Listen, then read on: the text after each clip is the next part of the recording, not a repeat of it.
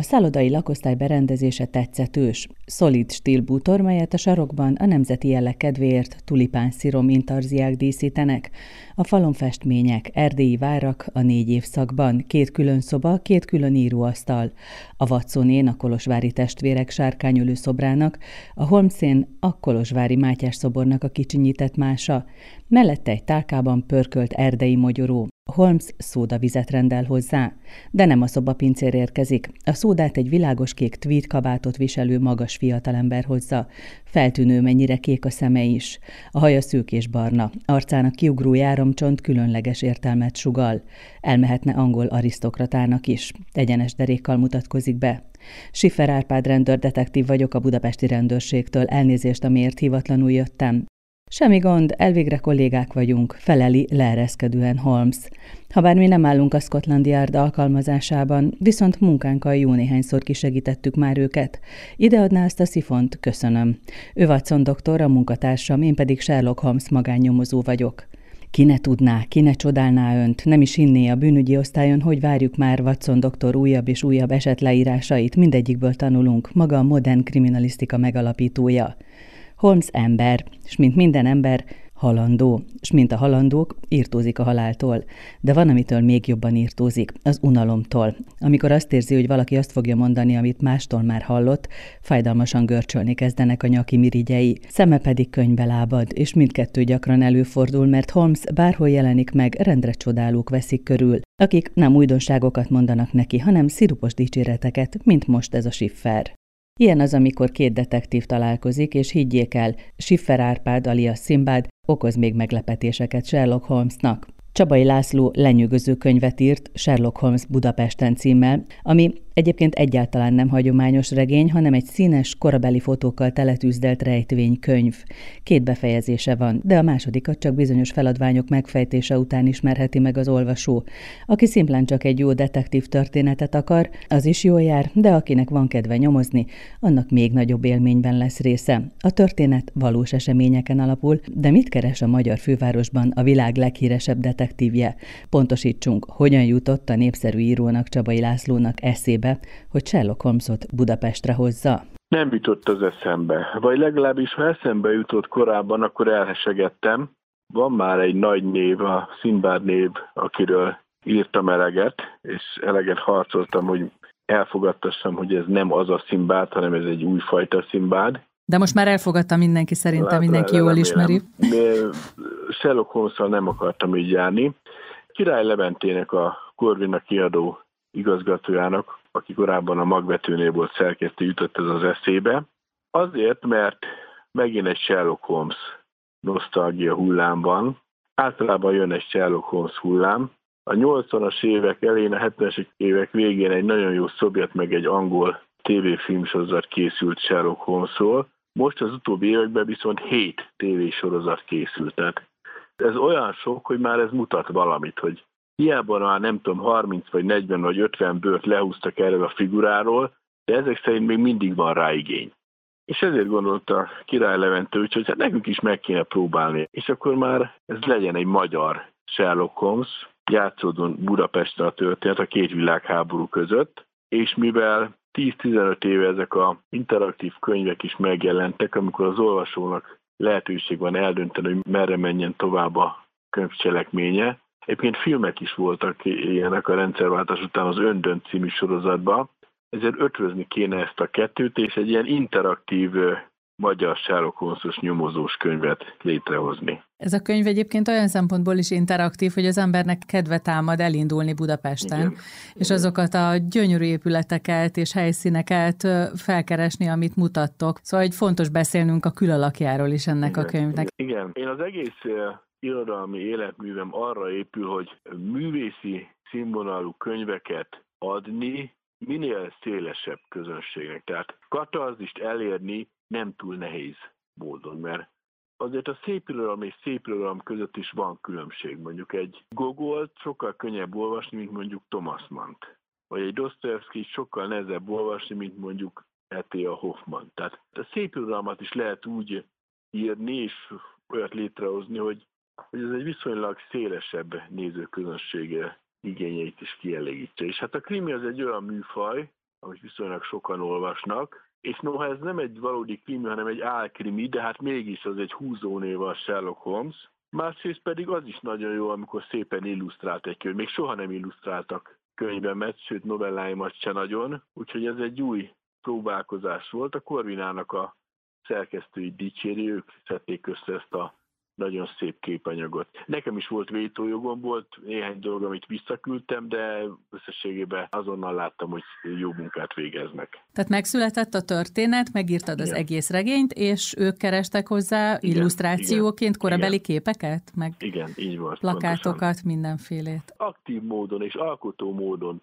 segítettek létrehozni ezt a könyvet. Ez a könyv olyasmi, mint egy színdarab. Ott is ugye megírja az író a dialógusokat, és aztán jön a dramaturg, aki drámát csinál bőle, aztán jön a díszlettervező, színész, stb. Tehát mindenki hozzáadja azt, ami kell.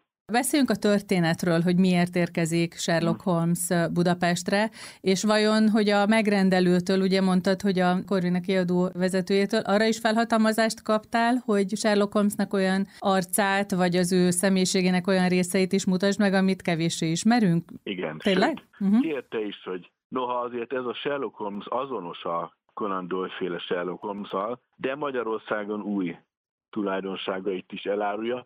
Pontosabban veszem a jogot, hogy karikírozzak bizonyos tulajdonságait. Lett magánélete, amiről ugye keveset ja, lett magánélete, Például többek van, között. Van. Nagyon uh-huh. komoly magánélete, és őt az erotika is beköszönt Sherlock Holmes világába. Mindig olyan gyanús nekem, hogyha egy férfinek nincs, hogy is mondjam, szeretője vagy felesége, itt most, itt most van neki. És nagyon is szenvedélyes szerelmes tud lenni. Ezt nem írta meg Conan Doyle, lehet, hogyha még élt volna tíz évig, akkor megírta volna, de én megírtam helyette. Egyébként is szeretek nőkről írni. Nagyon szeretek mesztelen nőkről írni, és itt most meg volt az alkalom, hogy az újdonságként hasson. A mesztelenők azért érdekesek, mert hogy olyan pillanatban mutatod meg őket, amikor a legőszintébbek, szóval, hogy itt azért olyan nők jelennek meg, akik egy kicsit szerettik másnak mutatni magukat. Ezért is, meg eleve az, azért az ókortól kezdve a mesztelen testet nagyon sokszor ábrázolják, festményen is, szoborban is, szóval ez valahol egy szép dolog, én úgy gondolom. Sajnos nem tudok festeni, szobrászkodni se tudok, de egy képzeletben megalkotok egy képet, és akkor azt írásban rögzítem, és, és akkor mégis mintha létrehoztam volna egy, egy, egy húsvér alakot. Hogyha a Sherlock Holmesre visszatérünk, még azon túl, hogy lett magánélete hirtelen, azon túl még mit ajándékoztál te neki, amit a szerző eredetileg nem, és hogy nagyon érdekes nekem, ahogyan rácsodálkozik Budapestre. Hát itt nagyon sok mindenről lehetne beszélni, de ezt nem akarom elárulni, inkább azt, hogy amikor mertem karikírozni, vagy talán parodizálni a nyomozót, az annyit jelent, hogy az ő nyomozási módszere a dedukció, amit természetesen nem Sherlock Holmes és nem a megalkotója a skótíró Conan Doyle hozott része, hanem már évezredekkel korábban. De ő ezt mindig érvényesíti, minden nyomozásnál, de ez csak akkor lenne egy százszázalékos módszer, ha az élet valamiféle mechanikus materializmus lenne, és minden okot egy jól felfejthető és megfejthető okozat követne, de, de bonyolultabb a világ ennél. Tehát néha elmaradnak okok, néha történnek dolgok, amik igazándiból fogalmuk sincs, hogy miért történtek, és okozati viszonyokat is igazán csak a múltba, a múlt és a jelen közötti viszonyban lehet e, megállapítani, a jövőre vonatkozóan nem. A Sherlock Holmes novellákban nagyon sokszor úgy kapják el az elkövetőt, hogy Sherlock Holmes csinál valamit, és biztos benne, hogy ennek ez lesz a következménye, aminek az, annak, és stb. stb. És végül mindig el is jut a elkövetőhöz.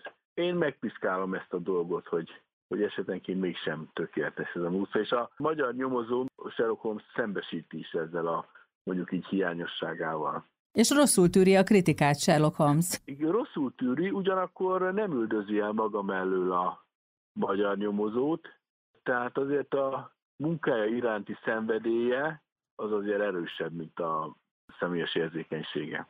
Mi lesz kettejük dolga, mert hogy közösen a két kitalált nyomozó, Igen. akik valóságosak lesznek itt ebben a történetben, vált válnak, vetve nyomoznak Igen. egy ügyben, szóval mit kéne kideríteni? Egy feltételezett emberrablás. Egy gazdag gyárosnak a lánya tűnik el, eredményes lesz a nyomozás, de sajnos lesz haláleset is. Végül is halál nélkül nem nagyon lehet egy bűnügyi regényt megírni, bár már csináltam ilyet is, de a dolognak ez a sötét lényeg azért itt is jelen való lesz. Hát és közben, mivel azért ez csak egy áll detektív regény, nem a nyomozás a legfontosabb, megismerünk egy történelmi korszakot, a 20-as évek végének Magyarországát. Annak a kulturális, irodalmi és természetesen politikai viszonyait.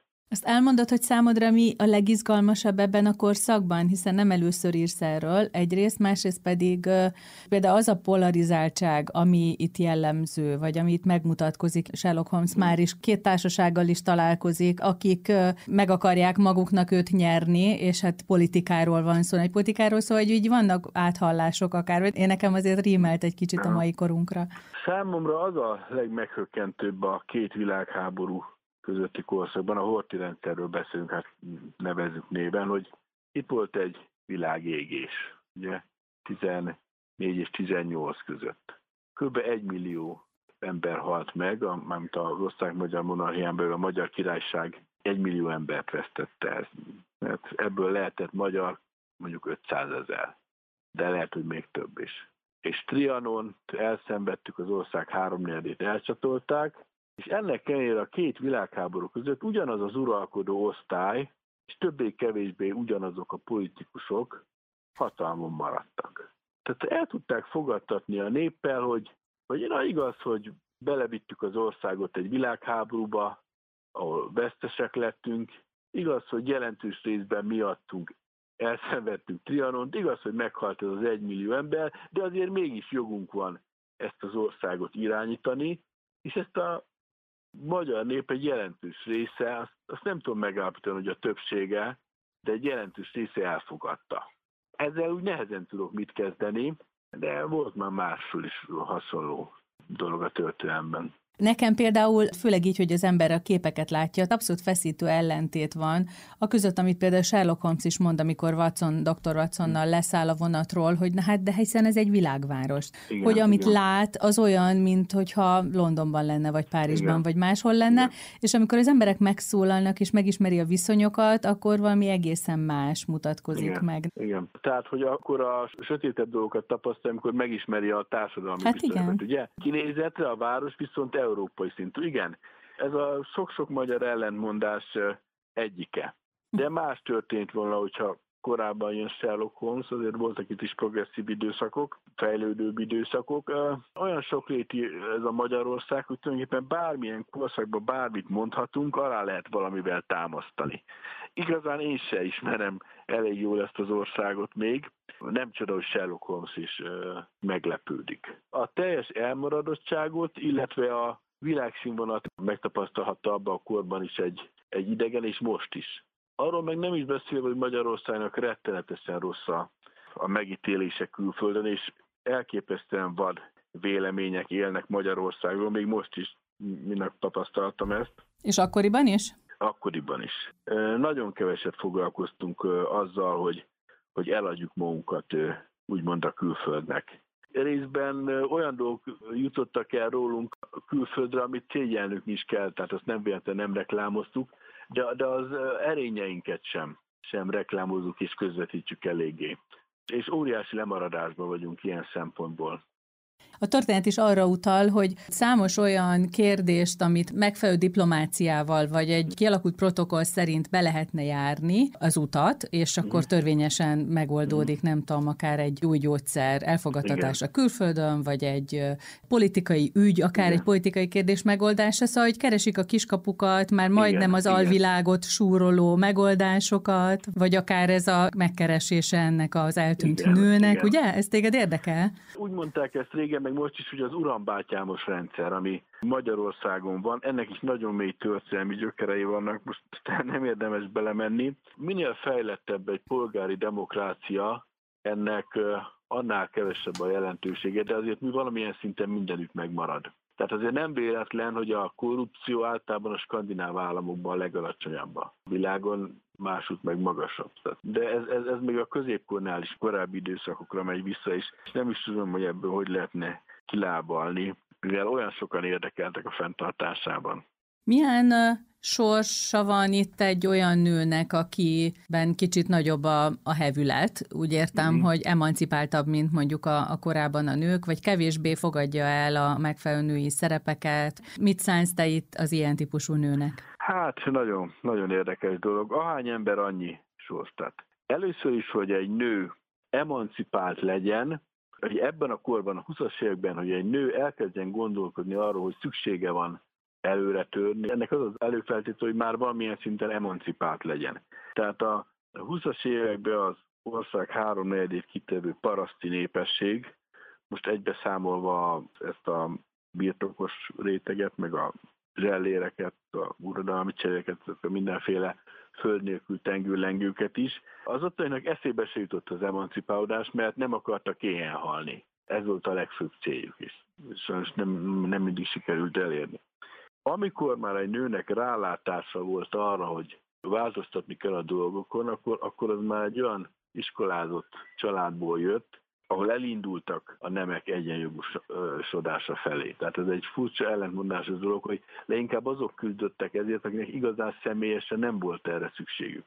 Hát mert egzisztenciálisan biztonságban voltak, igen, és ez igen, nagy szabadságot adott nyilván. A, a középkorban is, de, a, de 1945-ig olyan társadalmi osztály ellentétek voltak Magyarországon, hogy szerintem azt mi nem tudjuk elképzelni.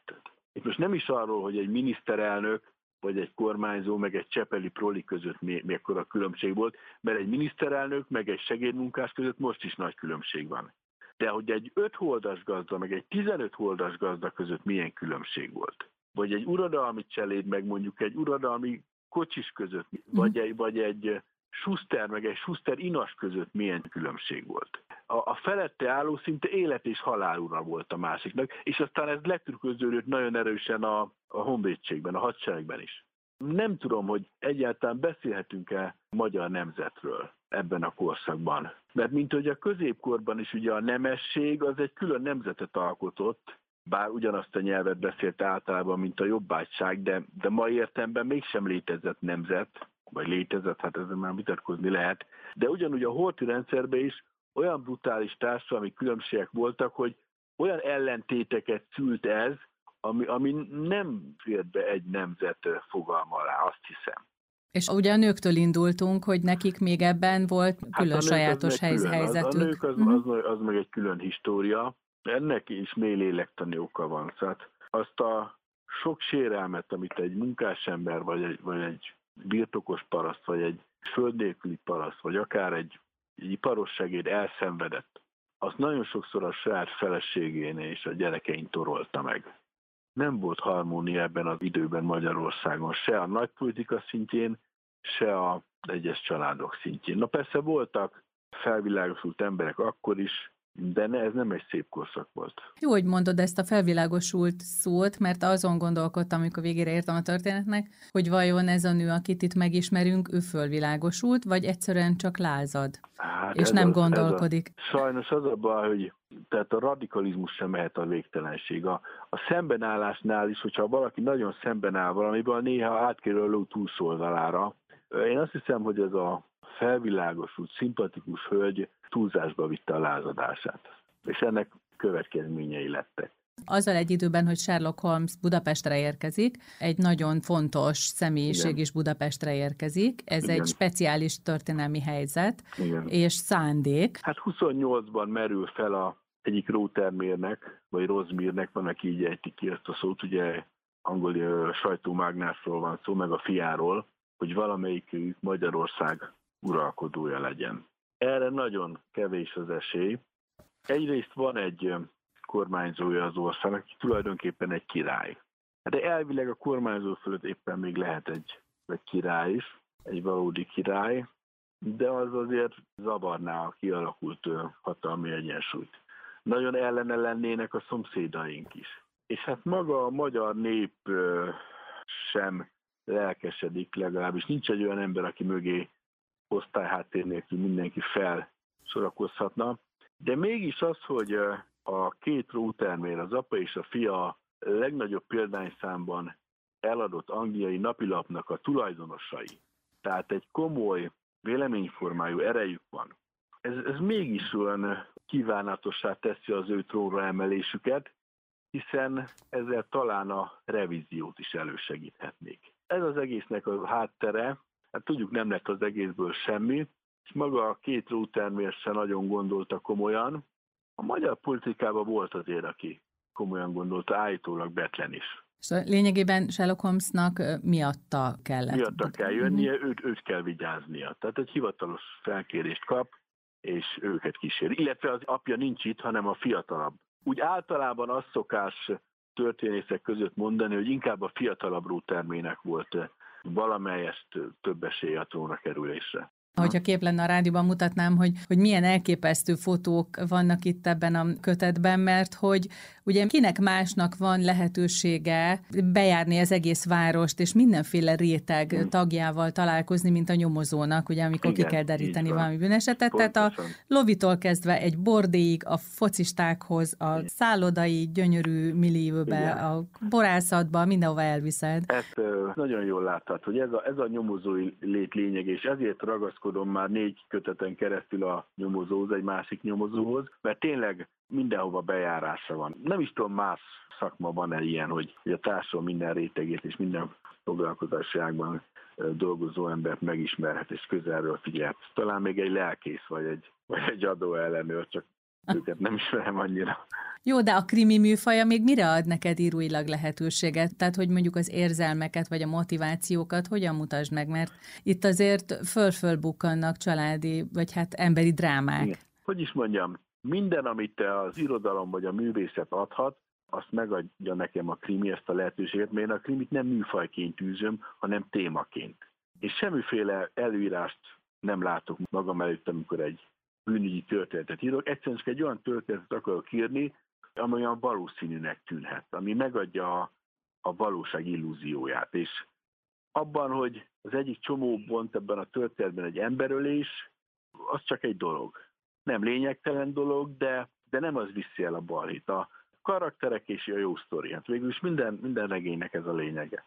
Nem tudom, hogy a többi olvasó hogy lesz vele, de nekem megdobbant a szívem, amikor megjelent Kosztolányi, a fiatal újságíró. Igen. Sőt, még verset is ír egyet. Valójában azt a Kosztolányi verset én írtam, és megjelenik Karint is, és ő is ír egy tárcát, de azt is valójában én írtam. Tehát ez már ilyen posztmodernben hajló, amikor más neve alatt követek el írásokat, de ez is olyan vicces volt. De ha meg lehet azt tenni, hogy egy valóságos személyként jelenik meg valaki, aki Igen. fiktív, és ráadásul ezt mindig olyan ügyesen lebegteted. Tehát ugye akik találkoznak Sherlock holmes azok is azon gondolkodnak, hogy de most akkor hogy van, hogy ő egy mégiscsak élő Igen. személy. De hát ott a Igen. doktor Watson, aki hitelesíti Igen. őt. Igen. Hát igen, szeretek ilyet, hogy valós emberek, meg kitalált emberek találkoznak. Olyan furcsa, olyan érdekes. Ez nem olyan hétköznapi, színesebb a világ, hogyha a fantázia úgy szárnyalhat. Csabai Lászlóval beszélgettünk különleges detektív regényéről, ami rejtvénykönyv is egyben, Sherlock Holmes Budapesten ez a címe, és a Korvina kiadó gondozásában jelent meg.